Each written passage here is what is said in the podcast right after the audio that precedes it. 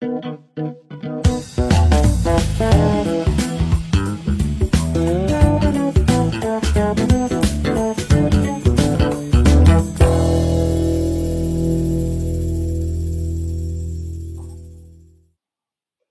حلاق يعني هو باحث فلسطيني طبعا مولود في الناصرة فلسطين طبعا من الديانة المسيحية من الديانة المسيحية يعني. آه، ومعاه جنسية كندية وهو درس آه، في ماجل أو اللي هي اللي في مونتريال يعتبر هارفارد كندا بين قوسين وجامعة واشنطن. آه، متخصص هو في القانون تاريخ الفكر الإسلامي. بيعمل كأستاذ علوم اجتماعية في جامعة كولومبيا. قسم دراسات الشرق الأوسط. حصل على الدكتوراه من جامعة واشنطن في دراسة معهد الدراسات الإسلامية و وعمل كأستاذ مساعد للقانون الإسلامي بمعهد الدراسات الإسلامية بجامعة ماجل ونال درجة الأستاذية عام أربعة وتسعين. طبعا ليه كثير من الإسهامات في مجال الدراسات الإسلامية. طبعا أعماله مترجمة للغات عديدة جدا جدا جدا يعني. من أهم الكتب المنشورة للدكتور وائل حلاق. طبعا أشهرهم طبعا الدولة المستحيلة الإسلام والسياسة وبازخ الحداثة الأخلاقي. مقدمة في القانون الإسلامي الشريعة النظرية والتطبيق والتحولات قصور الاستشراق آه، منهج في نقد العلم الحداثي. طبعا الكتاب التاني اللي عرجنا عليه المرة اللي فاتت مع أستاذ يونس اللي هو إصلاح الحداثة الأخلاق والإنسان الجديد في فلسفة الدكتور طه عبد الرحمن. هيقدم الورقة البحثية النهاردة أستاذ يونس بعنوان المصلحة والأخلاق في الفكر السياسي الإسلامي. قلت لن أضيف شيئا على ما قاله الأخ أحمد حول وائل حلاق.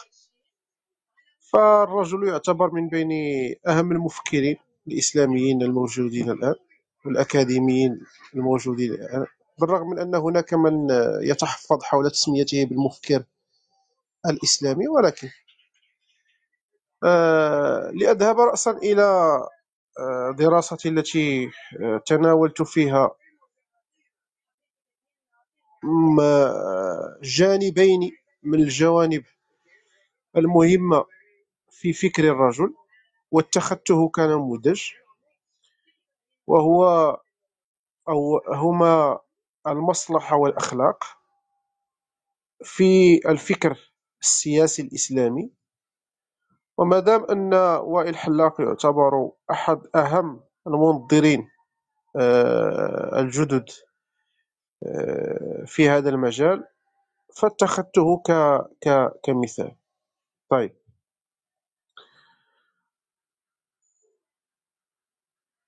ملخص تنفيذي لعل من نافي القول أن حديث السياسة صُبغ بالكثير من الكلام التبريري الأيديولوجي والذي يعلي من شأن المصلحة باعتبارها نبراس السلوك السياسي وحري بي أن أنبه إلى الانتقال الكبير الذي طرأ في تمتننا للسياسة وما يحيط بها. بين القدماء الذين مزجوا تدبير الناس بتدبير الله للكون والمحدثين الذين حاولوا الفصل والتمييز بل وإقامة الحدود بين عالم قائم بذاته وهو عالم السياسة وما عداه. أحاول في دراسة هذه أن أدعو للضرورات أو أن أعود للضرورات العلمية والمنهجية لعملية التمايز والفصل التي تمت بين السياسة باعتبارها البحث عن المصلحة والأخلاق أو النزعة المبدئية في فكر وائل حلاق خاصة أن الباحث كان له هم واضح يروم من خلاله استكشاف اعوجاجات الحداثة وأثرها السلبي على عملية تثوير الفكر الإسلامي عامة والفكر الإسلامي السياسي على وجه التخصيص. إن سؤال العلاقة بين المصلحة والأخلاق تنظيرا وتطبيقا في الفكر السياسي الإسلامي من الاهتمامات التي تفرض نفسها. فهل من علاقة بين المحددين المذكورين في التصور للفعل والممارسة السياسية داخل البنيات الإسلامية؟ وكيف عالج وائل حلاق هذا التفصيل على ضوء إعادة اشتغاله على الشريعة والقرآن كمصدرين للمنتج للمنتج الفكري الإسلامي؟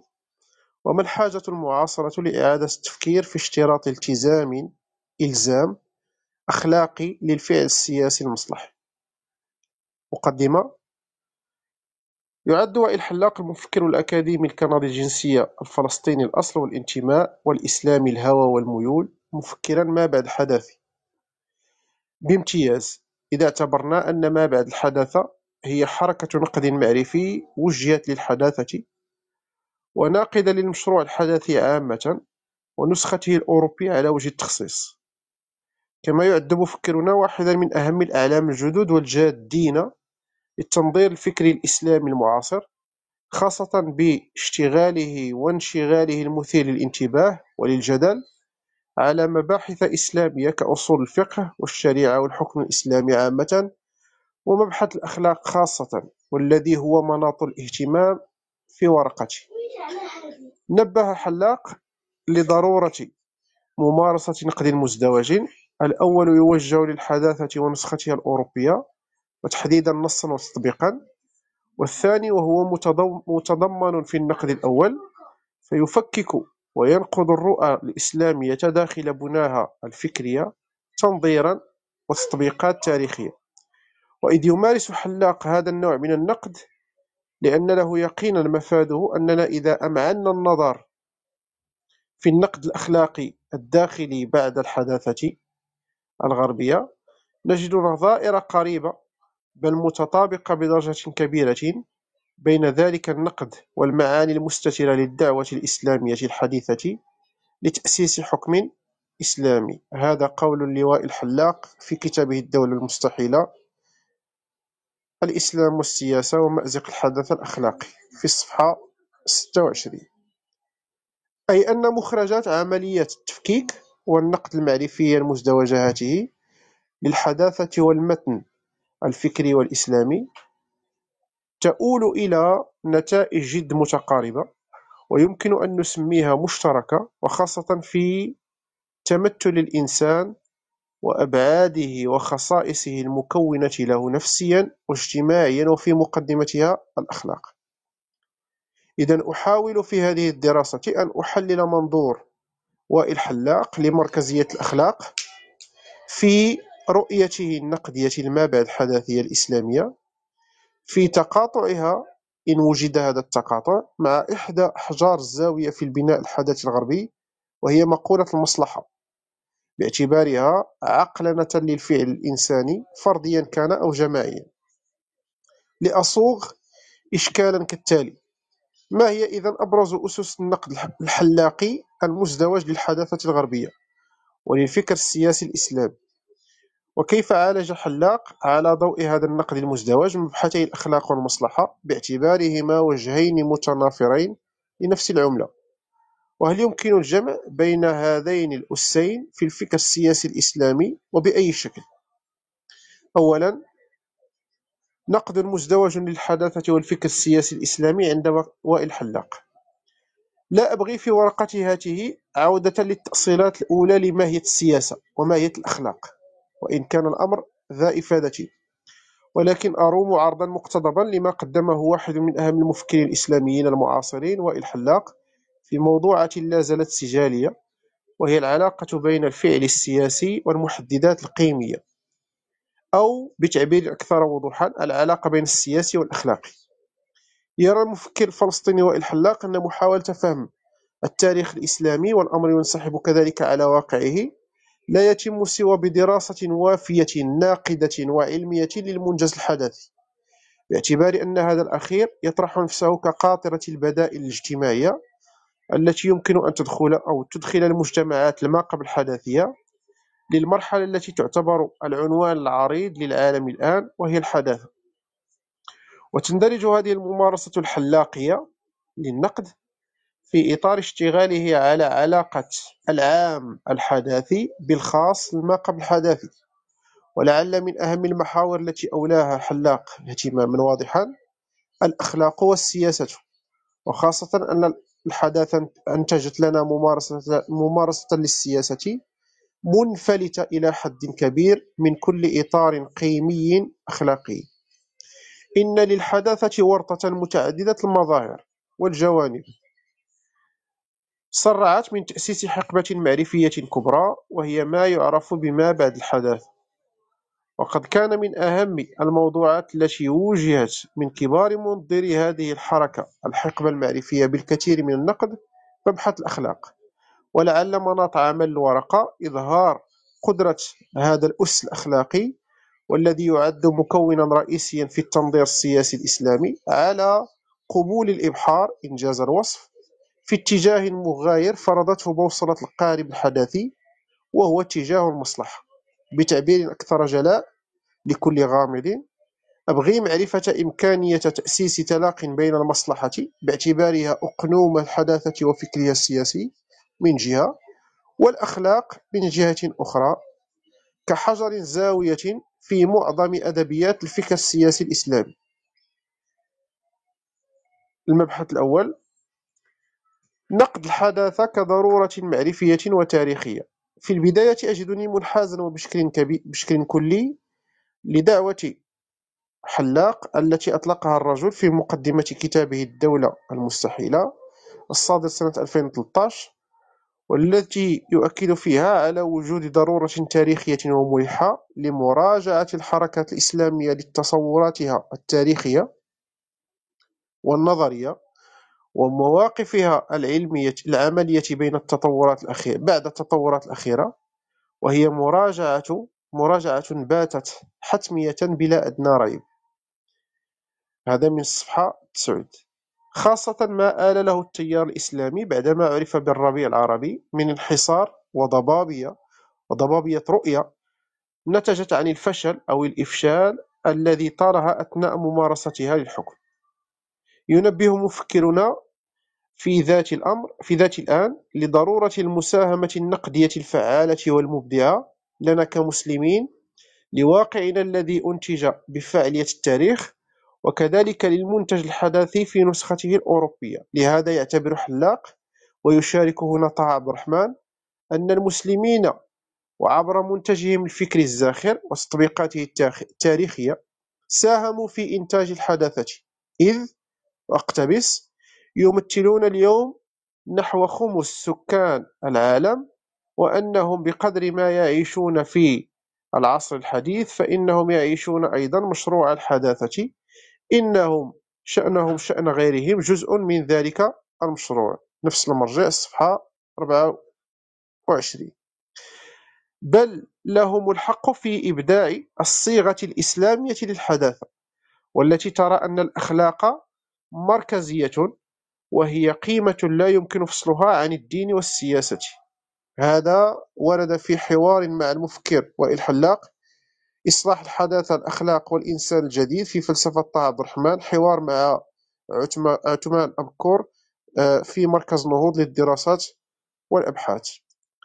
يؤسس حلاق مشروعه النقدي للحداثة الأوروبية على طرح مفاده غياب الأساس الأخلاقي والقيمي في التنظير الحداثي منذ عصر الأنوار ولينسحب الأمر كذلك على تطبيقاتها التاريخية. فيقول وهكذا قام صعود مشروع الحداثة بشكل كامل وعميق على إبعاد الأخلاق عما أسميه بالمجالات المركزية للحياة الحديثة المتجسدة في الدولة والاقتصاد الرأسمالي والمادية والتقنية والبيروقراطية والنفعية والمنطق الأداتي.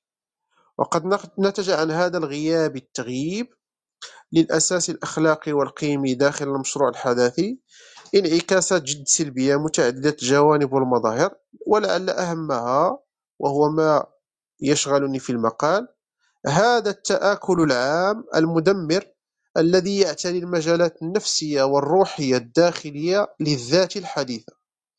يرى حلاق أن الإسهام الإسلامي في نقد المشروع الحداثي الأوروبي ينبغي أساسا أو ينبني أساسا على إعادة إدخال الأخلاق كآلية حاكمة للتكوين الاجتماعي والذاتي حيث غيبت الأخلاق في التأسيس النظري والتطبيق التاريخي للدولة الحديثة.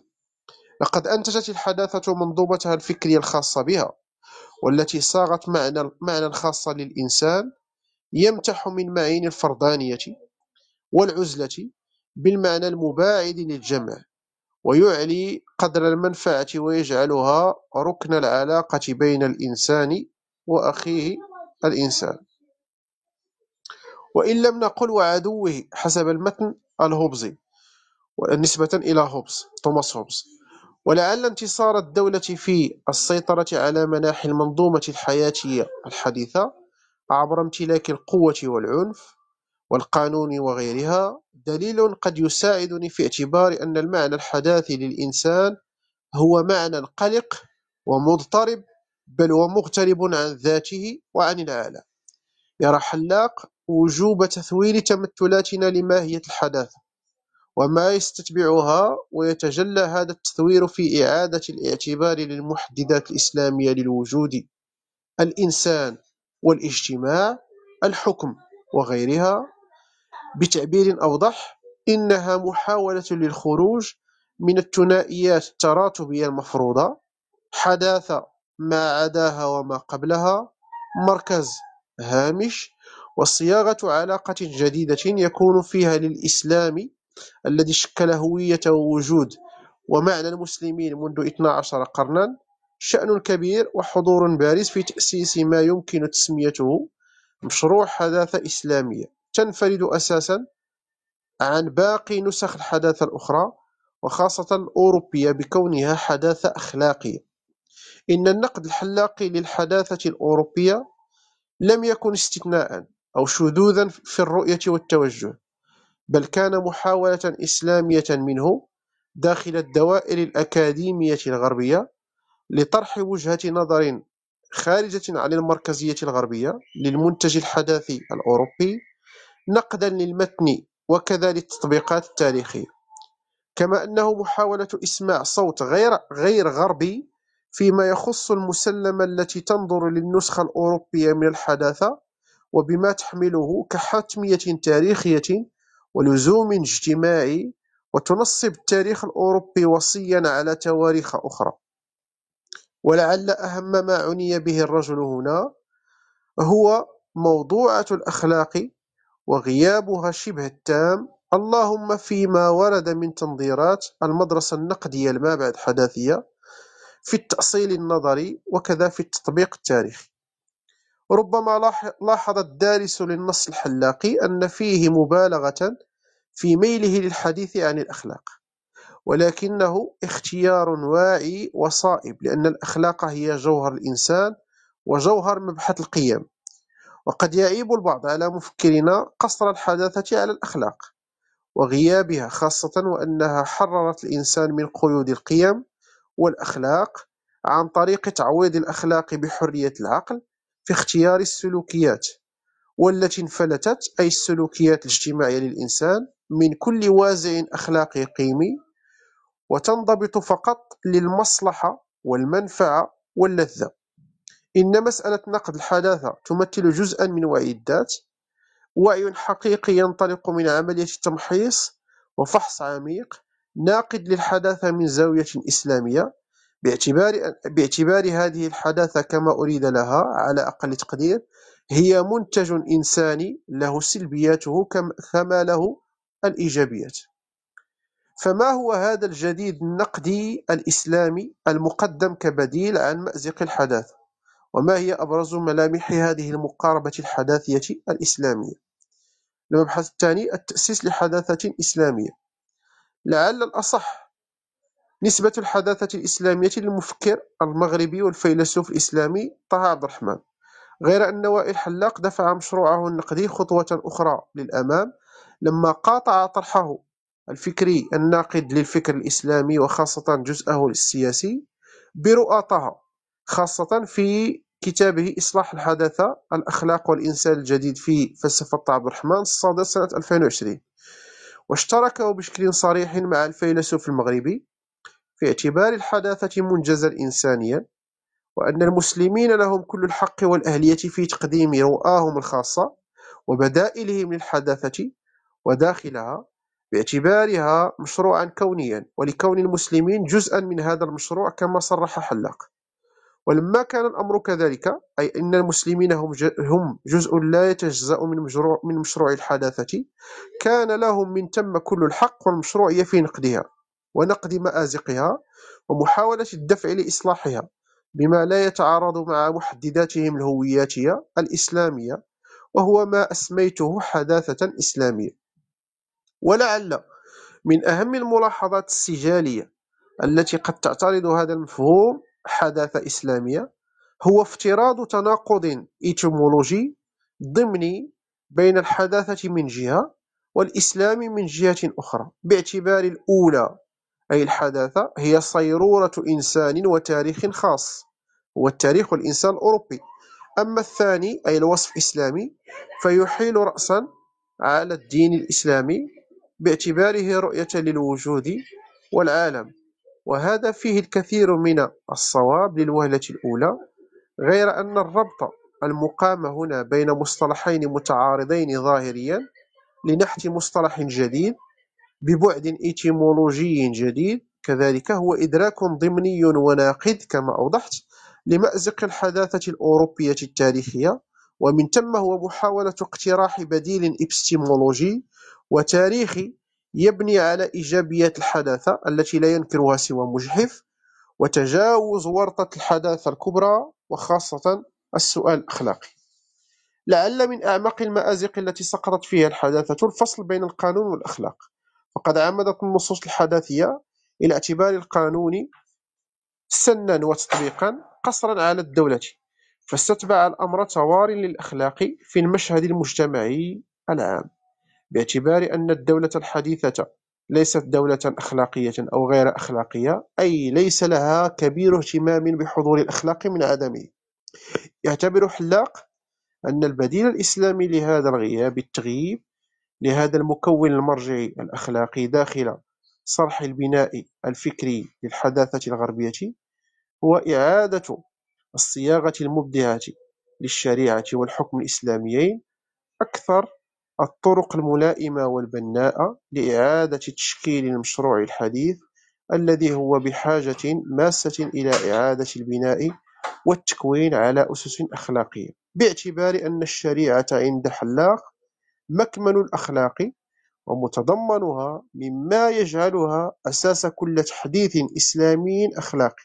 أو لنقل حداثة إسلامية أخلاقية ويقول في هذا السياق اقتبس تلك الأخلاقوية القائمة بقوة في الشريعة تفصح عن بنية مثالية تجعلها في منأى عن فوضوية الواقع الاجتماعي والسياسي واضطراباته.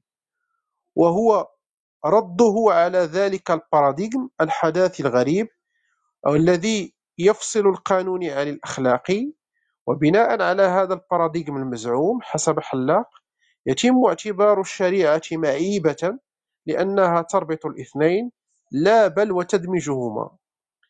ولما يستقصي حلاق مفهوما ذا صيته ودرج في اشتغال الكثيرين بغية تجاوز عيوب الشريعة المدعاة عنده وهو مفهوم الإصلاح فهو يجده بذات درجة العيب. كذلك لكونه مفهوما منحازا ويتأسس عند أصحابه على افتراض غير سليم. وهو افتراض سقم الشريعة وضعفها وهو ما يعترض عليه حلاق ويستشكل عليه عند القائلين به باعتبار أن نطاقا مذهلا من اللغة مشبع أيديولوجيا بحمولة مرهفة من المعاني المرموزة متورط في تلك المخاتلة الاصطلاحية والمفاهيمية. ويعتبر أن حمولة مصطلح إصلاح هي حمولة موجهة غير بريئة وغير علمية لأنه المصطلح المعياري المختار لوصف التحولات التشريعية التي أجريت في العالم الإسلامي تحت تأثير الهيمنة الأوروبية المباشرة وغير المباشرة إذ هو مصطلح يفصح عن موقف سياسي وأيديولوجي مفصل بعناية يفترض بالضرورة أن ثمة عيوبا في الشريعة وتحتاج للتصحيح والتحديث. لست بمعرض تقديم رؤية نقدية لطروحات حلاق فليس هذا سياقها ولعلي أفردت للأمر دراسة منفردة غير أني أعتبر على أن تشريح مفكرنا الإيتيمولوجي والوظيفي لمفهوم الاصطلاح طغى عليه في ظني الخاص الكثير من الأدلجة التي عابها هو بذاته وطفح كلامه المثبت أعلاه وغيره في مواضع أخرى من كتابه ما هي الشريعة ببعد نوستالجي وأقول حالم لا يخاف من أن يتهم بالانزواء المعرفي في الزوايا المظلمة والرطبة من منتجنا الحضاري الإسلامي وخاصة جزئه التشريعي. والذي وجب الإقرار وبعيدا عن تحمل الاستشراق أنه كان هدفا ولا زال لسهام نقد من قبل مشاريع فكرية إسلامية رزينة.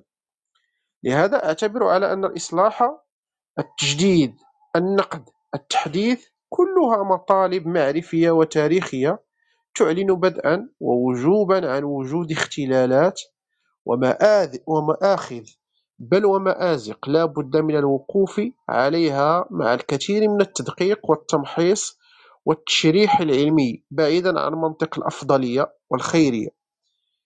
فإذا كانت الدولة الحديثة هي التجسيد الواقعي البشري للسياسة والقانون لكونها تملكتهما وحددت أشكالهما وأوقاتهما وكذا مقوماتهما باعتبارها مالكة للفضاء العام.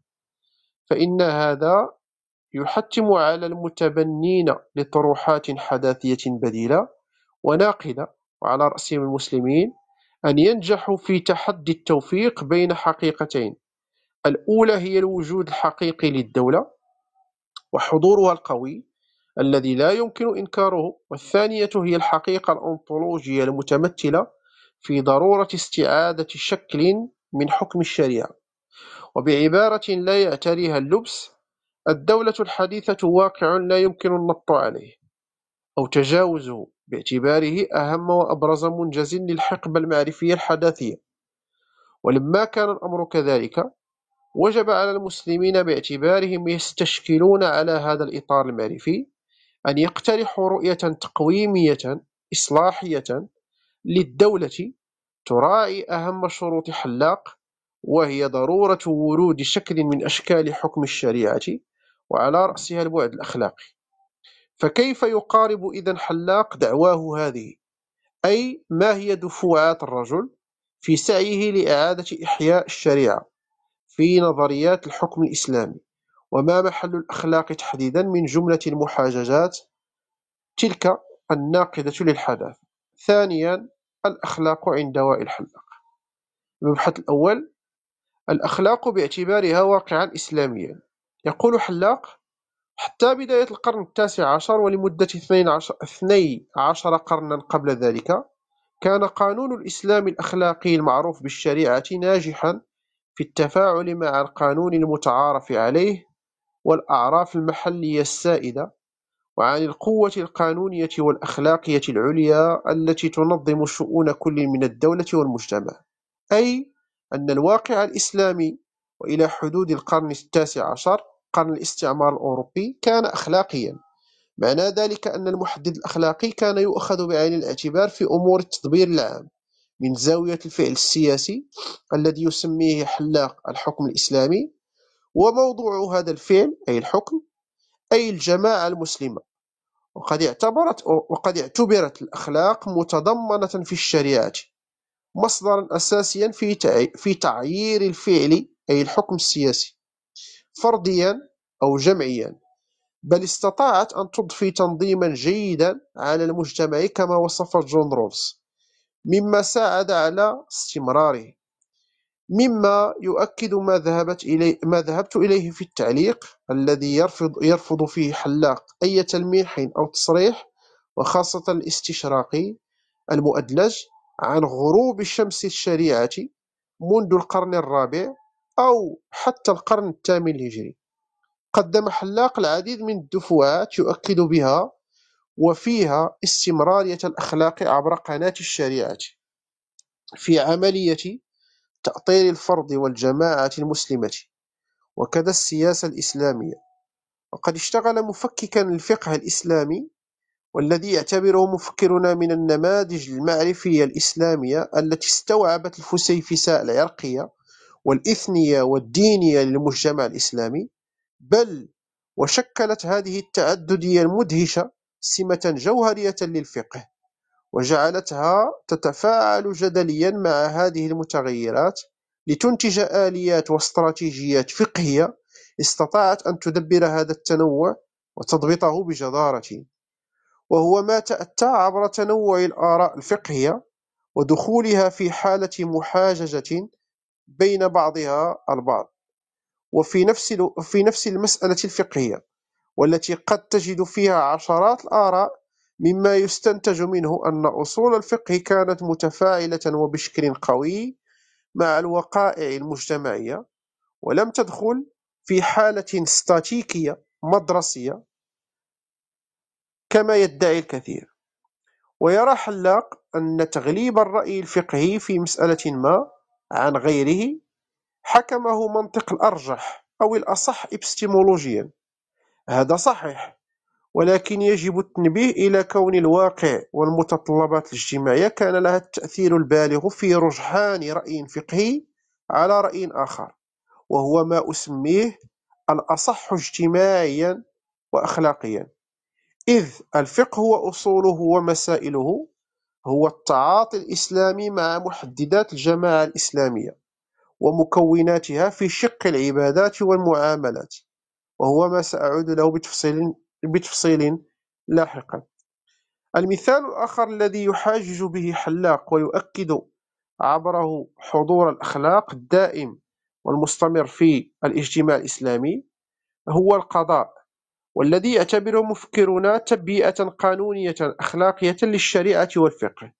فقد كان القاضي يتوسط بشكل ديالكتيكي بين المتطلبات الأخلاقية والاجتماعية التي كان مشتركا فيها من ناحية وبين المتطلبات الفقهية من ناحية أخرى والتي كانت تعترف بفوقية كل من القانون الأخلاقي غير المدون والروابط الاجتماعية المؤسسة أخلاقيا. أي أن القاضي لم يكن غريبا عن البيئة الثقافية والعرفية الدينية والأخلاقية لوسط اشتغاله بل العكس تماما. فقد كان على دراية تامة بها وبتعقيداتها وهو ما يلاحظ مثلا في عمليات التحقيق التي يقودها في النوازل المعروضة عليه بين المتنازعين إذ كان القاضي ونوابه يتأكدون من أطراف النزاع وخاصة وضعهم الاعتباري في المجتمع ومن سمعتهم الأخلاقية ربما ما يشبه جرحا وتعديلا للمتقاضين على منوال أهل صناعة الحديث. وقد كان القاضي يحكم بأحكام متباينة في نفس النازلة مراعاة منه لاختلاف هذه المحددات المشار لها بين الناس عامة واللاجئين للقضاء خاصة. فقد يكون الشخص معروفا بالعفاف غير أنه أتى فعلا مغايرا لذلك ومعروفا بالصدق والأمانة وصدر منه ما قد يشذ عما عرف به بين الناس. فيأخذ القاضي بعين الاعتبار هذا كله في أمر جلل وهو إصدار حكم في نازلة ما توخيا منه الحذر وابتغاء لمرضاة الله. ولا ننسى هذا المقصد الديني الأسمى للقضاء وهو تحقيق العدل وإعطاء الناس حقوقها ولن يتأتى هذا سوى بتليين فعل التقاضي. وجعله كيسا لبلوغ مقصده ذلك. أضف أن المتقاضين كانوا يترافعون بأنفسهم باعتبار المعرفة القانونية لم تكن تقنية كما هو الحال الآن. مما يجعل التقاضي يلمس في ظن الخاص تلك النوازع الذاتية والموضوعية وخاصة القيمية منها لهؤلاء ولإتيانهم هذا الفعل أو ذلك وخاصة مدى الصدق في القول وما تنطوي عليه سريرة المتقاضين. وهو الأمر الذي لا يمكن أن نتخيل حضوره في الشكل الحديث للتقاضي والذي غلب عليه البعد التقني الآذاتي البيروقراطي. لقد كانت المحكمة جزءا أصيلا من بنية المجتمع الإسلامي الماقب الحديث وهذا يعني أنها كانت تنبض بنبضه وتنشغل بانشغالاته ومن هذا المنطلق حرص القضاة حرصا شديدا على الحساسية القيمية والأخلاقية فالقيم المشتركة مثل الشرف والنزاهة والعار والفضائل الاجتماعية الدينية قد عرفت قد عرفت طريقها إلى ساحة القضاء. ولعل من أبرز مظاهر ذلك حرص مؤسسة القضاء الدائم على رأب الصدع وتقديم الصلح وحل النزاعات عن طريق التفاوض وهو ما كان مقبولا كثيرا ومقبولا كذلك عند المتقاضين أنفسهم. وبعبارة أخرى خاطبت المؤسسة القضائية الإسلامية الناس بنفس خطابهم وأبانت عن حرصها الشديد على صون قيمهم وتغليبها في فعل التقاضي وفي إعطاء الناس حقوقهم حقوقهم. فقد كان المجتمع المسلم التقليدي منغمسا في منظومة القيم التشريعية القانونية التي أرستها الشريعة بقدر ما كانت المحكمة بدورها منغمسة في القضاء الأخلاقي للمجتمع. لقد كان المجتمع الإسلامي يعيش حقا الشريعة وأخلاقها ويتمثلها في تفاصيل حياته ولعل من هم أو من أه- من أهم السمات البارزة لهذا المجتمع أنه كان يعايش الآداب والأخلاق التشريعية والتي شكلت الأسس الدينية والعرفية للممارسة الاجتماعية. لقد كان مجتمعا ذو عرض بشري وجوهر ديني ذو عرض عرض بشري وجوهر ديني سماوي إن وصفنا أو إن وظفنا مفاهيم علم الكلام من النماذج التي يسوقها حلاق في. في محاججته عن فكرته حول مركزية الأخلاق في التاريخ والاجتماع الإسلاميين مسألة مكانة المرأة وخاصة في ظل الادعاء عند بعض الطروحات الاستشراقية أن التاريخ الإسلامي لم يكشف لنا عن مظاهر تشريف المرأة المرأة المسلمة ممارسة وواقعا يساوق فيها المتن الديني على الأقل. بل على العكس تماما وجدنا كما يدعي هؤلاء أن المرأة عانت وضعية دونية في مجتمع الرجل المسلم. بعد نقاش مطول خاضه حلاق يدافع فيه وبقوة عما يعتبره المكان الفضلى للنساء واقعا في عملية التقاضي. طرح مثالا خاصا وهو الطلاق وأفاد أن العملية كانت تخضع لأمرين. الأول حق شرعي للزوج ويأتيه متى شاء. والثاني تأطير واقعي لهذا الحق الشرعي لدرجة أدت لقلة قضايا الطلاق في سجلات المحاكم خلال العهد العثماني مثلا وبالمقابل كثرة قضايا الخلع لكون قرار الخروج من المؤسسة الزواجية في هذه الحالة يعود للمرأة. فيقول أي حلاق والحال أن قلة شيوع الطلاق مقارنة بالخلع يوضح في هذا السياق ثلاث سمات مهمة للمقاربة الإسلامية لإنهاء الزواج. الأولى في الوقت الذي كان فيه الطلاق امتيازا حصريا للزوج فقد كان ثمة ثمن عليه أن يدفعه في مقابل هذا الامتياز.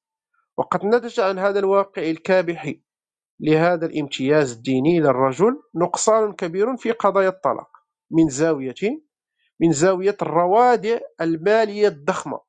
هذا صحيح وكذلك لقوة الروادع الشرعية والأخلاقية التي رسختها القيم الفقهية والاجتماعية. كما أن حلاق نبه لما كان للطلاق من أهمية كبرى في تحسين الوضعية المالية والاستقلال الاقتصادي للمرأة من جهة وفي المقابل تأزيمه عند الرجل. لكون الطلاق إن وقع قد يكون بمثابة نقل للملكية في اتجاه واحد من الزوج للزوجة. الأمر الذي يصب في مصلحة الزوجات المطلقات ويمكنهن مثلا من شراء نصيب أزواجهن في منزل الزوجية وهو ما أدى لعزوف الأزواج وترددهم الكبير في تفعيل هذا الخيار الصعب أخلاقيا وقيميا والمكلف ماديا. أكتفي بما سقت من نماذج لدفوعات حلاق. وأعتبرها قد أوفت الغرض منها للتأكيد أن المجتمع الإسلامي القديم كان يتأثر بالشريعة فكريا ودينيا ويعيشها ممارسة وواقعا وأن الوضع كان يؤشر عن ارتباط عضوي بنيوي بين القانون والأخلاق بين المؤسسات القانونية والحساسية الأخلاقية والقيمية الفاعلة في المجتمع وكذا بين أهل الحل والعقد الشرعيين وعموم المسلمين. المبحث الثاني مركزية الأخلاق في مشروع وائل حلاق. إن وددت أن أقدم لهذا المبحث فلا بد من طرح السؤال التالي. إن كان المسلمون قد حكموا أنفسهم بالشريعة وعاشوا بها على مدار 12 قرنا من تاريخهم قبل الاستعمار أو صدمة الحداثة وإن كانت هذه الأخيرة قد بنت نموذجها للإنسان والمجتمع على تحييد الأخلاق. فما هي أهمية هذا الأساس القيمي والأخلاقي في البديل الإسلامي؟ يقول وائل حلاق يتم الكفاح السياسي والقانوني والثقافي لمسلمين لمسلمي اليوم من قدر من غياب الانسجام بين تطلعاتهم الأخلاقية والثقافية من جهة والواقع الأخلاقي للعالم الحديث من جهة أخرى وهو لا بد من العيش فيه وإن كانوا لم يصنعوه بأنفسهم إن رد الفعل المكافح بالوصف الحلاقي ضدا على الحداثة الغربية عند المسلمين مؤداه غياب ارتباط بين بنيتهم الدينية والفكرية والتي تقيم للأخلاق اعتبارا مهما من جهة والواقع المفروض والذي هو مغاير أخلاقيا وقيميا بالضرورة. إن انتماء المسلمين للحداثة باعتبارها الشكل الذي اتخذه الوجود البشري في عصرنا هذا هو انتماء سالب مفعول به. في مقابل الحضار الموجب الفاعل للحضور الحضور الحضاري آه، الموجب الفاعل للآخر الغربي. في تحديد شكل ومضامين ومعايير بل وحتى محاذير هذه الحدث. وقد أدى هذا الوضع التراتبي لتأسيس باراديغمات فاعلة أيديولوجيا تعتبر أن لا شكل ولا معنى للوجود والاجتماع البشريين سوى ذلك الحداث الغربي وأن لا تاريخ ومعرفة مبنية عنه سوى ذلك المستوى المستمد من الأطر المرجعية الحداثية الغربية. مما أنتج نطاقا مركزيا أوروبيا غربيا هو العمدة ونطاقات غير أوروبية غير غربية لا تعد أن تكون مؤثثا للمشهد الحضاري على أحسن تقدير. وكما أن لكل فعل رد يماثله في الدرجة ويخالفه في المنطلقات فقد أنتج في البيئة الإسلامية رد فعل أيديولوجي في شق كبير منه تمظهر في دعوات للعودة للذات والتأسيس للانغلاق الهويات الإسلامي كما قدمته بعض التنظيرات المحسوبة على الفكر السياسي الإسلامي خلال ما عرف ببداية عصر النهضة الإسلامي. مع العلم أن جزءا من المكون الحركي للفكر السياسي الإسلامي هي ظاهرة حداثية أي ظاهرة لم تكن ممكنة بغير الحداثة وأنها رد فعل على الحداثة بقدر ما هي منتوجها. فإن كان الأمر كذلك كما وصفه حلاق تطلعات أخلاقية وثقافية وإسلامية لا تجد نفسها ومطلوبها في النسخة الحداثية الغربية المفروضة عليها. فما الحل المقترح لتجاوز هذا المأزق الكبير؟ ينطلق حلاق من فكرة أساس وهو مركزية الأخلاق الإسلامية. فإن كان هذا المكون الأخلاقي كان من عمد الاجتماع الإسلامي قبل الاستعمار فيجب أن يبقى كذلك باعتبار الأخلاق والمعطيات القيمية هي النطاق المركزي في الرؤية الإسلامية. وهو ما دعمه مفكرنا بحجج معرفية متنوعة. ولما كان حلاق كما بينت سالفا يرفض الفصل الاستشراقي بين القانون والأخلاق ويعتبر أن عكس هذا الإدعاء هو الذي وجد في البيئة الإسلامية. نظرا لكون الشريعة ليست فقط مدونة قانونية باردة وبدون روح بل هي نظام أخلاقي قائم بذاته. إذ الأخلاق في المقاربة الإسلامية غالبة على القانون ومؤطرة له مقاصديا فإنه يذهب لضرورة استعادة الشريعة وجعلها حاكما فيما يمكن أن يكون عليه. هذا التمثل الإسلامي الحداثي الجديد سواء للفرد المسلم وللجماعة كذلك. وهو ما أولاه أهمية واضحة لما فكك ما أسميه بفلسفة العبادات في الإسلام باعتبارها تتجاوز البعد الطقوسي الحركي الروتيني إلى إدراك أعمق لماهية الإنسان المسلم وخاصة أبعاده القيمية كالإذعان الطيع للخالق الكلي القدرة في النطق بالشهادتين إذ شهادة أن لا إله إلا الله هي راية الاستسلام إلى النظام الأعلى وهو ما يمثله ومن ثم فهي انتماء ضمني لنظام وجودي قيمي. ومن محددات عمق هذه الفلسفة العباداتية الإسلامية أسبقية النية في كل فعل. لكونها ذلك الإقرار الروحي على توجيه العبادة خالصة لله وهو الدخول في حالة التركيز والتفرد في أدائها بدون التأثر بالشواغل الأخرى. ولهذا يعتبر, يعتبر توافر النية في الأعمال العبادية المتكررة ضمانا لعدم القيام بالفعل كأداء جسدي آلي يفتقر إلى المحتوى كفعل يغرس في العقل والروح وفي الملكات العقلية والشعورية لدى كل أداء كأنه يؤدى كل مرة لأول مرة. إن حضور النية في العمل العبادي ضمان الإبقاء على معناها وتحققه فالنية في الصلاة بلوغ, بلوغ معنى الارتباط بالخالق وفي الزكاة هي تأكيد لصواب فلسفة الجسد الواحد في الحديث الشريف لأنه معنى الأخوة الإسلامية وغيرها من المعاني العميقة والقوية والتي هي عمد فلسفة أخلاقية قائمة بذاتها في الممارسة العباداتية للمسلم. تطرق حلاق وهو يقدم لرؤيته الحداثية الأخلاقية البديلة للفلسفة الأخلاقية القرآنية. واعتبر أن جوهر التعاطي القرآني مع الأخلاق ومقصده الأسمى هو إتيان الخير ودفع الشر.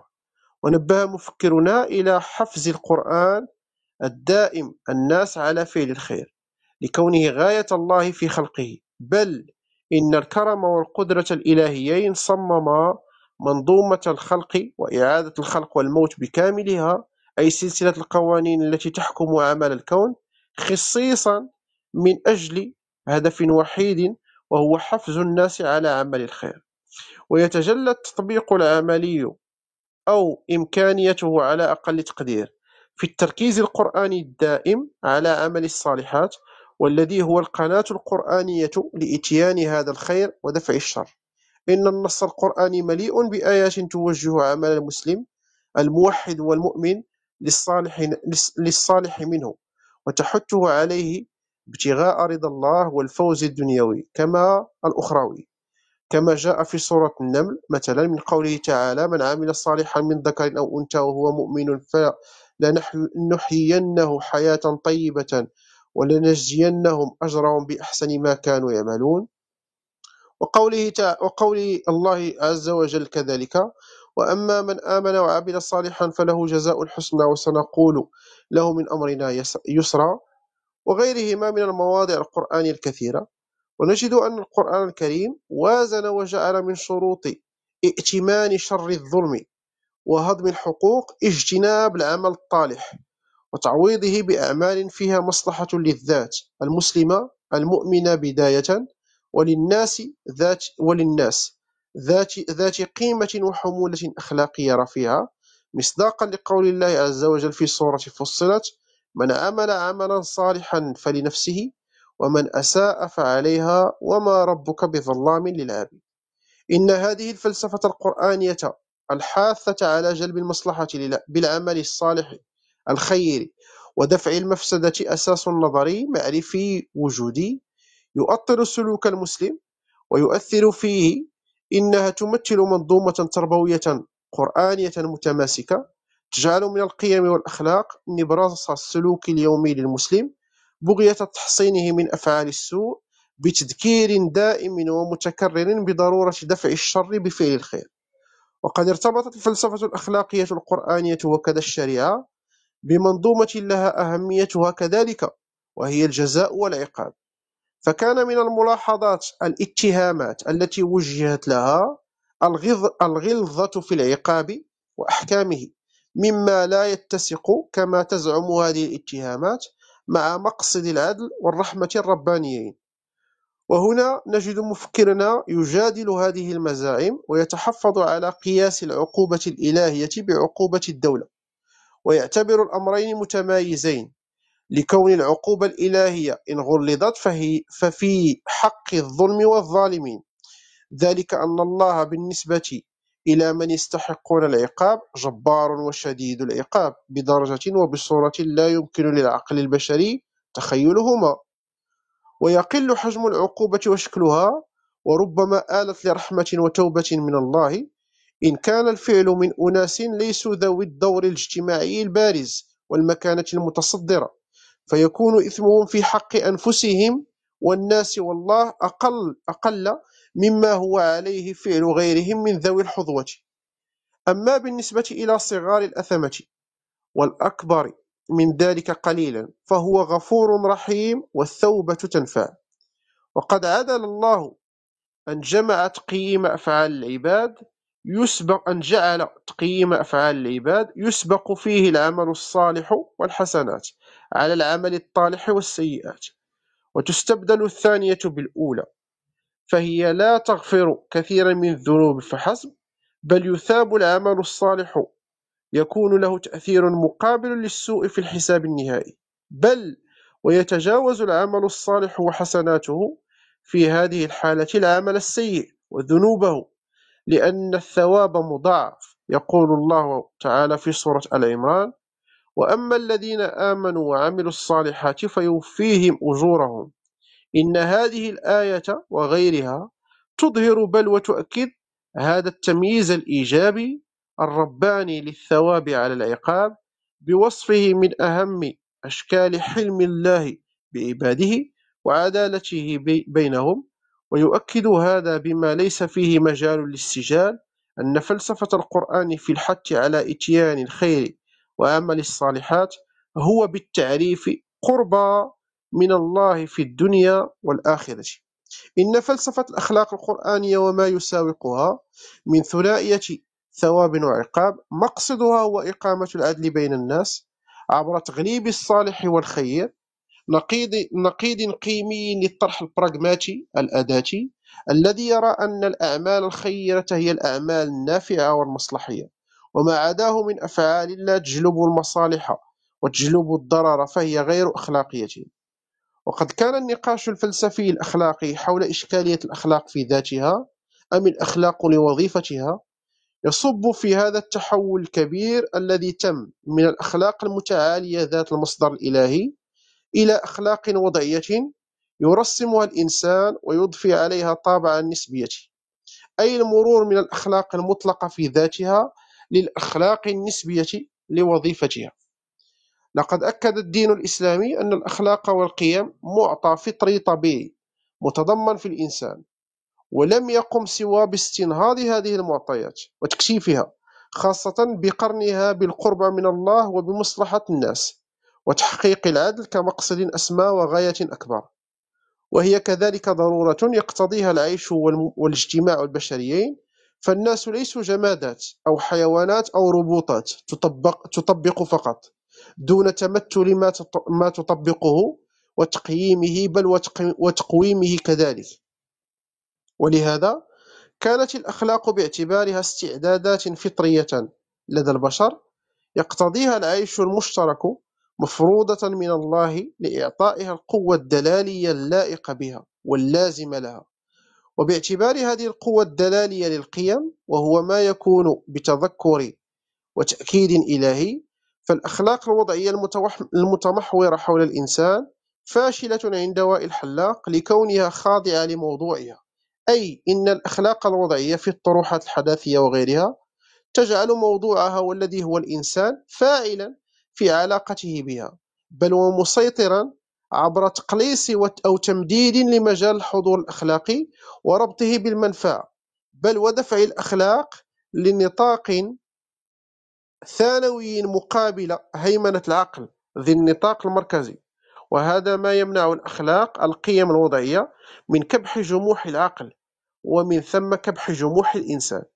إن مركزة الأخلاق ودفعها للنطاق المركزي مرة أخرى لن يتم حسب حلاق سوى بالخروج من المغالاة في محورة الإنسان والعقل والابتعاد عن سطوة التيار النفعي الذي أقام صرحا تعبديا لقيم المتعة والسعادة الطارئة والمصلحة الفردية الضيقة يعتبر حلاق أن الوعي بالذات المسلمة وعيا فوكويا شرط أساسي في بناء الأخلاق الإسلامية. أخلاق الشريعة الإسلامية تحديدا والتي تنظم عيش الناس وتكفل سعادتهم وراحتهم في الدنيا وتحافظ على حقوقهم كما تراعي حاجتهم وضعفهم وتحثهم وتدفعهم على بذل الجهد والطاقة فيما ينفع الدين والدنيا. وهو ما أوضحته سابقا فيما أسميته بفلسفة العبادات ومنظومتها. ويقترح حلاق هذه الأخلاق الإسلامية كجمع معرفي بين الحداثة والأخلاق والشريعة ما يؤهلها لتكون بديلا معتبرا لدعوات إصلاح الحداثة الغربية. يطرح حلاق في نص مطول في كتابه الدولة المستحيلة شروط تأسيس النظام الأخلاقي وتحققه كاملا من خلال أولا سيادة إلهية تترجم فيها المبادئ الأخلاقية والإلهية لقوانين عملية واقعية. ثانيا فصل صارم للسلطات. ثالثا إنباء السلطتين التشريعية والقضائية على نسيج أخلاقي. ينسج بين القيم والحقائق الواقعية. رابعا سلطة تنفيذية تضع السيادة الإلهية موضع التنفيذ. خامسا قاعدة أخلاقية تنبني عليها القواعد القانونية العملية مثل المساواة ونظام العدالة الاجتماعية القائم في القرآن لخدمة المجتمع. سادسا سيادة المؤسسات التعليمية مبنية على الشروط الخمسة المذكورة. سابعا سيادة نظام تعليمي يطرح أسئلة الحياة الفاضلة الأخلاقية. ثامنا تمثل معنى آخر لمفهوم المواطن يرتكز على العلاقات الأخلاقية المتبادلة بين أفراد المجتمع الأخلاقي النموذجي. تاسعا اعتبار الاهتمام بالنفس وتربيتها امتدادا للكون الأخلاقي. إنها خريطة طريق لما يمكن أن يكون عليه الحكم الإسلامي أو البديل الإسلامي للحداثة في تمثل حلاق والذي يتأسس ويعرف بقاعدة الأخلاقية الإسلامية الواضحة ويلتزم بتجاوز كل مآزق الحداثة وعلى رأسها ورطة الأخلاق والقيم. وانطلاقا من هذا يمكن تكثيف تكثيف شروط الوصفة الحلاقية لبديله في ثلاث شروط. أولا ضرورة تجاوز الفرض اللا أخلاقي الحداثي للإنسان الأخلاقي ماهية وفاعلية. ثانيا سلطة تدبر القضاء العام تراقب وتؤطر أخلاقيا. وأخيرا قواعد قانونية منضبطة للقيم والفضائل لتأطير العقل وكبح جموحه. على ضوء ما رأيناه سابقا من إقرار ترابط بنيوي بين الأخلاق والمصلحة تغليبا للثانية على الأولى في التمثلات الحداثية وللأولى على الثانية في الطروحات الإسلامية الكلاسيكية. ما هو جديد وائل حلاق وكيف وازن بين المكونين البنيويين في الاجتماع الإنساني وماذا يعني حلاق بالمصلحة في ظل سيطرة باراديغم حداثي لها؟ ثالثا المصلحة عند وائل حلاق. المبحث الأول في وجوب نقد الباراديغم الحداثي للمصلحة.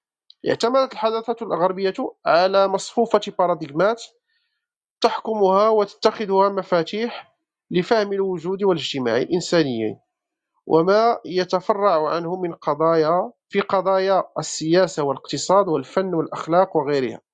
وقد أوضحت سابقا في, في هذه الدراسة أي في الجزء الأول من هذه الدراسة أن حلاق انطلق من ضرورة فهم ونقد للحداثة لا محيد عنها في سبيل فهم ونقد رزين للتصورات الإسلامية والانطلاق بعد ذلك في التأسيس لبديل لنا.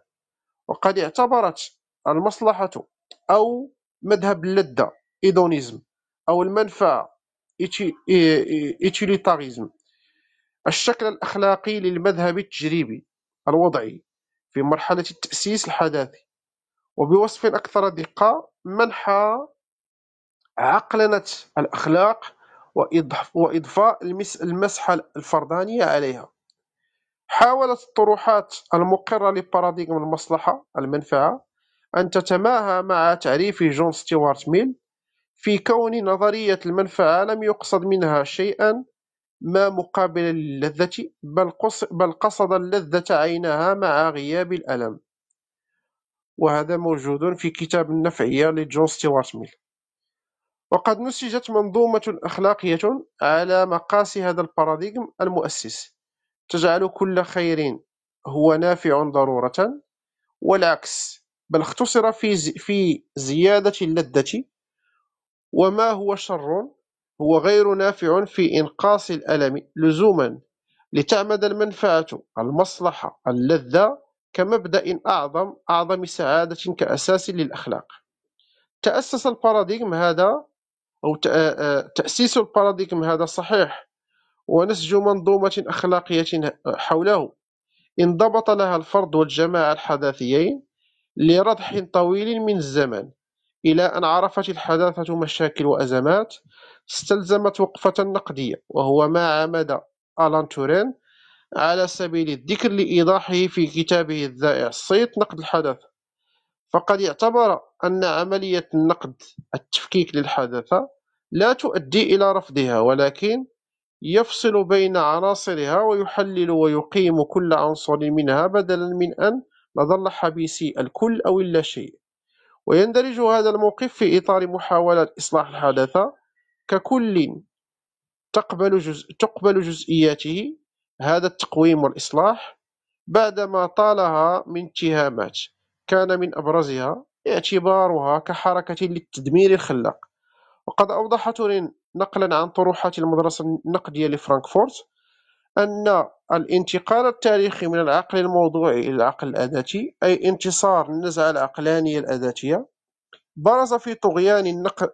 في طغيان التقنية والت... والتك... والتكنيك وخدمة حاجات المستهلك والديكتاتور التي لا تخضع للعقل. ويمكن أن ندرج هنا كذلك بعض ملامح النقد الفكوي للأخلاق الجمعية والتي يمكن اعتبارها ملزمة للجماعة ومقبولة عندها.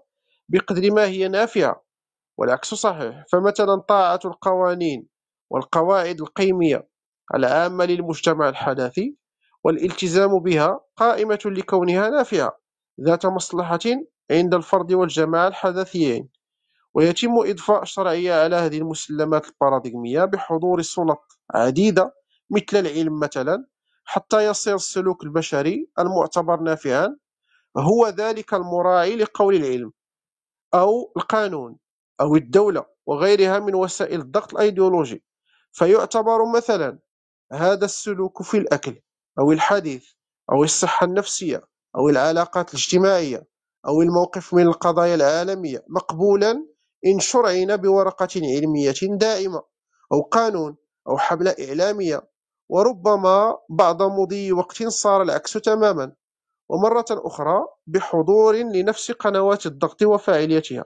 وأستحضر هنا ما رافق الإعلان عن الحجر الصحي زمن تفشي وباء كورونا في العديد من الدول الغربية من نقاش بدأ بسؤال تقييد الحرية الفردية من عدمه وهل يجب النط عليها في لحظة استثناء ليقول العلماء ويؤيدهم الساسة قولهم ويعتبرون ويعتبرون أن النافع الذي فيه مصلحة الفرد والجماعة هو ما كان من تقييد للحريات فكان بذلك العلم والقانون والدولة سلطا فرضتها فيما فيما اعتبرته فيما اعتبرته هي نافعا وذات مصلحة والأمثلة كثيرة كثيرة في هذا الصدد ينتقد تورين ما أسماه القوى الأساسية الفاعلة والمسيطرة على المجتمع الحداثي وهي الجنس والاستهلاك السلعي والمؤسسة الإنتاجية والأمة. ويعتبر أن هذه القوى اجتمعت أو أنتجت اللامجتمع حسب توصيفه بسبب تفكك الحداثة الكلاسيكية. وقد تم هذا التفكك في الأصول النظرية أو الجذور التي قامت عليها الحداثة. فمثلا لا يمكن النظر للفرضية باعتبارها تحريرا للذات الحداثية. هذه التي صارت موضوع المؤسسة الإنتاجية بل صارت قوة لها كما يقول ماركس وهي كذلك مجال صراع ضار للثقافة الاستهلاكية ويمكن القول أن الفردانية والفرد أصبح موضوعا للاستهلاك كذلك بحضور الأمة تارة وغيابها تارة أخرى في معرض التحول إلى المواطن الكوني.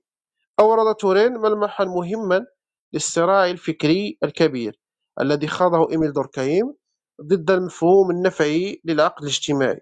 وطور لمفهومه عن الإنسان المزدوج. هذا الذي يقف مرتبكا بين التمثلات القيمية الأطر النظرية والرغبة. بل اعتبر دوركايم أنه نجح في تغليب آه، الطرف الثاني ليتم الإعلان عن ولادة إنسان الرغبة الذي لا يمكن إلا تعريفه وتوصيفه بك- بكونه أنا اللذة أو الرغبة النفعية. وقد نبه تورين إلى محاولة دوركايم مجابهة النفعيين بدولة قوية قادرة على فرض احترام الاتفاقات الضرورية بين مصلحة المجتمع ورغبات الفرد غير أن محاولة احترام التوازنات هذه سرعان ما تختل إذ مصلحة المجتمع الحداثي تبنى بأن اللذة الفردية كما أسميته وهي تفاعل جدلي فالمجتمع الحداثي يعرف نفسه ضرورة أنه حامي الرغبة الفردية يطلق عنانها أو يقيدها لا لسبب سوى لكونها ركنه الركين.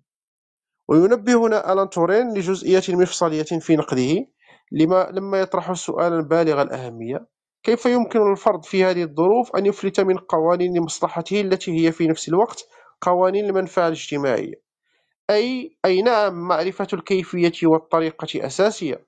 غير أني أسجل ملاحظة ربما هي هامشية غير أنها ذات أثر عندي فيما يأتي من جواب تورين. فقبل توصيف كيفية الانفلات هاته لا بد من معرفة مدى تشابه مصلحة الفرد بمصلحة الجماعة والقوانين الفاعلة في هذا الطرف وفي ذاك وفي ذلك. ولا أخفي أن سؤال تورين حكمته مسلمة لا يمكن الركون لها. وهي مسلمة اعتبار أن ما يحكم وجود الفرد في الحداثة يحكم كذلك وجود الجماعة.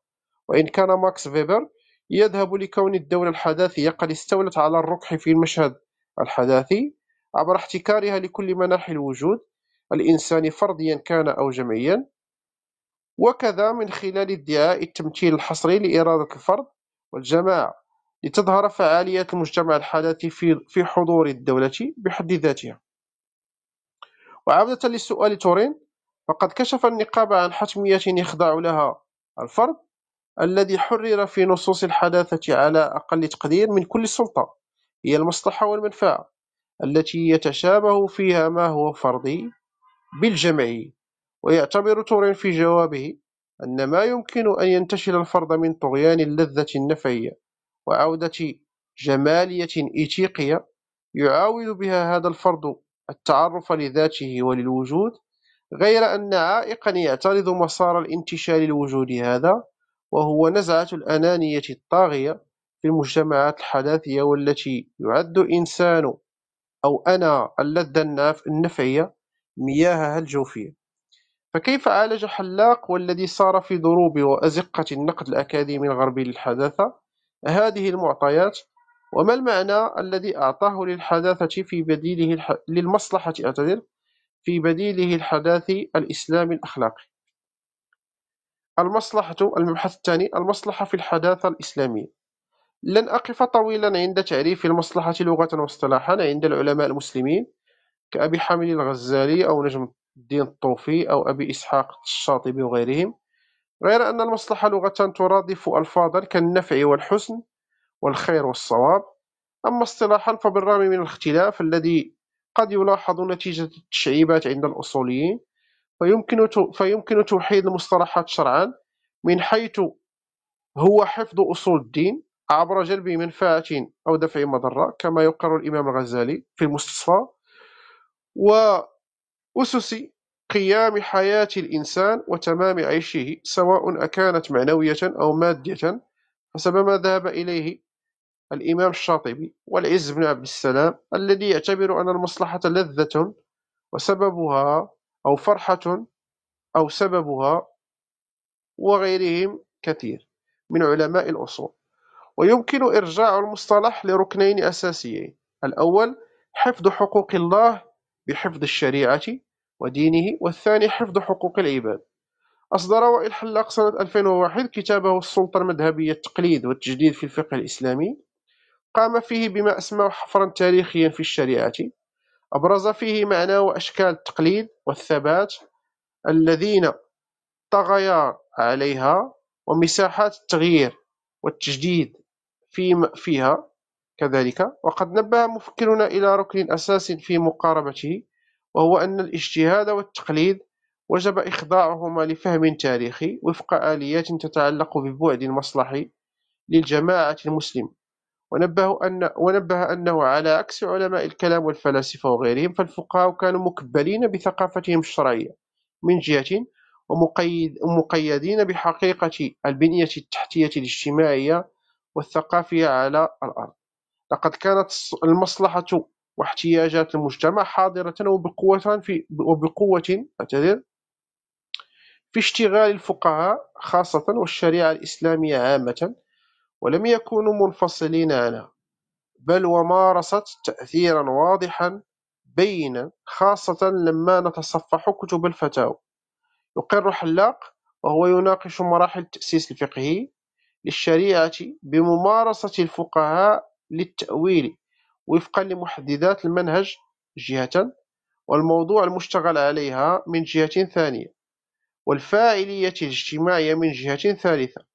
وانطلاقا من هذه المرتكزات الثلاثة النص المنهج والمجتمع. فقد أنتجت المذاهب الفقهية باعتبارها كينونة آراء مجموعة. وفي نفس الوقت أنتجت الآراء والمختلف عليها ما أسماه حلاق التعددية الاجتهادية التي ظلت عصرا معرفيا أو ظلت عصرا معرفيا أساسا في البنية الكلية للشريعة. ونبه على استمراريتها حقيقة عدم إمكانية كبح التعددية كنتاج للتنوع في التفكير الشرعي ولخضوعها لمنعطفات التاريخ الإسلامي. وقد لاحظ حلاق الأثر السلبي للقرن التاسع عشر الذي أدى لاجتثاث جذور هذه التعددية الفقهية. وأطرح هنا سؤالا أي رأي فقهي نعتمد وما معايير ذلك؟ الجواب على هذا الاستشكال يفتح باب الحديث عن المصلحة من وراء تبني رأي فقهي بعينه وفي مصلحة وفي مصلحة وهي مصلحة ربطت بحفظ المذهب هذا صحيح وكذلك بالسلطة السياسية خاصة علاقة الفقه بالسياسة في الحضارة الإسلامية والصراع الخفي بين نزوات رجال السياسة ورغبتهم في توظيف الدين لصالحهم من ناحية ورغبة الفقهاء والعلماء في ترويض الساسة وكبح تسلطهم خدمة للشرع من ناحية أخرى. وقد نحتت أو نحت محاولات الفقهاء في اتجاه استحضار المصلحة المجتمعية أثناء استنباط كل رأي فقهي خاصة عبر القياس من خلال التنبيه لجدوى ربط نازلة لا حكم فيها بأخرى ذات حكم أصلي وتشترك مع الأولى بالمصلحة القائمة في مسار القياس هذا. ولهذا أكدت العلة الناجمة عن مراعاة المصلحة العامة والتي تقدم على أخرى أكدتها اعتبارات أخرى. لما يناقش حلاق قاعدة التصحيح في الفقه يؤكد ورود الفاعلية الاجتماعية في الحكم. وفي رجحان رأي على ما عداه في نازلة ما في حالة في حالة تعدد الأحكام والآراء. فيقول وقد يقوم التصحيح أيضا على اعتبارات الأعراف المألوفة أي العادة ويعتبر, على ويعتبر أن الدوافع الاجتماعية وخاصة المصلحة قد تحدد مسار الرأي الشرعي أي الفتوى مثلا تكوينا أي أثناء استنباطه وبنية معرفية تدعم بأدلة في ترجيح الأصح من الصحيح ويزيد فكره التأثير الاجتماعي المصلحي وضوحا ودور في تشكل الرأي الشرعي ورجحانه لما يسوق كلاما لابن عبدين في شرح المنظومة حيث يقول ليس كل رأي صحيح حتى يفتى به. لأن الصحيح في نفسه لا يفتى به لكونه غير أوفق لتغير الزمان وللضرورة ونحو ذلك. ما دام الأمر فيه مراعاة لتبدل الزمان وللضرورة فإن ضرورة مراعاة المصلحة شرط أساسي في إصدار الرأي الشرعي. يختم حلاق كتابه تاريخ النظريات الفقهية في الإسلام بفصل سادس بعنوان تحديات الحداثة نحو أصول نظرية جديدة مؤصلة للفقه. أورد فيه رؤيته لإمكانية تثوير أصول الفقه وملائمتها مع معطيات الحداثة ونبه لذلك المأزق الذي عرفه المجتمع الإسلامي بالإبقاء على الحضور التقليدي للشريعة قبل الحداثة وكنتيجة فقد عمدت طروحات فكرية لمحاولة إيجاد حل إما عبر نقل الآلة القانونية الغربية تارة أو بتجاوز الضيق المذهبي بإتاحة المجال للاختيار في الأحكام بين المذاهب للجواب على الحاجات الحديثة والتي رأى مفكرنا أن سن المزيد من القوانين على أساس قضايا مختلطة يمكن أن يؤدي إلى مشاكل في تماسك الاجتهاد. وقد أورد تقسيما ثنائيا لهذه المحاولات فيه فئة النفعيين كما أسماهم والذين رأوا ضرورة لتغليب المصلحة في عملية تبيئة جديدة للشريعة. فإطار عملهم اقتصر على مفاهيم الفائدة والحاجة والعوز. وفئة المتحررين الذين مارسوا بحثا غربيا آه، أو غريبا في خلد مخالفيهم إلا أنهم رفضوا حسب حلاق تغيير تراتبية الشريعة والمفاهيم الوضعية. أن تخضع لهذه المفاهيم وتستبدلها بأفكار منظمة لتحليل النص السياقي حيث يتم التركيز على القانون الإنساني ويؤكد حلاق على ضرورة انضباط الشريعة الإسلامية لضوابط منها أولا علاقة المكونات الاجتماعية بالأحكام التشريعية ثانيا تأثير حركة التشريح أو التشريع على فكر ومحاولات الإصلاح. خاتمة ورأي حاولت في هذه الدراسة أن أحلل بعضا مما طرحه وائل حلاق فيما يخص موضوعتي الأخلاق والمصلحة وأظهرت أن الأكاديمي الفلسطيني وفقا لرؤيته الناقدة المزدوجة جعل من المكون الأخلاقي قاعدة أساسية للبديل الإسلامي الحداثي كما اتضح عبر تفاصيل الدراسة أن الشكل الذي يقترحه حلاق لهذا المكون الأخلاقي هو الشريعة وينطلق في ذلك من قاعدة الارتباط البنيوي بين البعد القانوني للشريعة بالبعد القيمي الأخلاقي. ونقد حلاق نقدا كبيرا التطبيقات التاريخية للحداثة. لما دفعت لما دفعت الأخلاق للنطاق الهامشي وأبقت على العقل والعلم والإنسان في النطاق المركزي مما نتج عنه جموح كبير لاحظناه في أزمات الحداثة العميق وللخروج من هذه المعضلة يقترح حلاق كبح جماح العقل والإنسان, عبر التأطير الأخلاقي الصارم. من ناحية أخرى أوضحت الإشكالات الباراديغمية للحداثة وخاصة التأسيس للأخلاق النسبية ذات النزعة الفردانية. وقد نبهت الطروحات النقدية لما آل له الأمر من طغيان غاية اللذة والمنفعة. ثم انتقلت للتركيز على أهمية المصلحة في عملية الاستدلال الشرعي. عند العلماء المسلمين القدماء وطغيانه في تنظيرات مفكري النهضة الإسلامية بتياراتها الأيديولوجية المتنوعة والتشديد أن المصالح السياسية والاقتصادية الاجتماعية وغيرها وجب مراعاتها في عملية التأصيل التجديدي للفقه والشريعة. لأقول إن التعويل على المحددات على محددات التقويم النفسي والتي أظهرت والذي أظهرته من خلال نقاش ما أسميته فلسفة العبادات بالغ الأهمية في عودة الأخلاق للمجال العام فالملاحظ أن القانون عجز عن التقليل من نوازع الشر وهو ما بشرت به الحداثة والقائلون بها في المجتمعات الإسلامية. وفي نفس الوقت فتعويل التيار الإسلامي على استدعاء إرث أخلاقي والذي يفرض لزوما مجتمعا أخلاقيا يشوبه الكثير من الخلل خاصة لما طغت النسخة الغربية من الحداثة.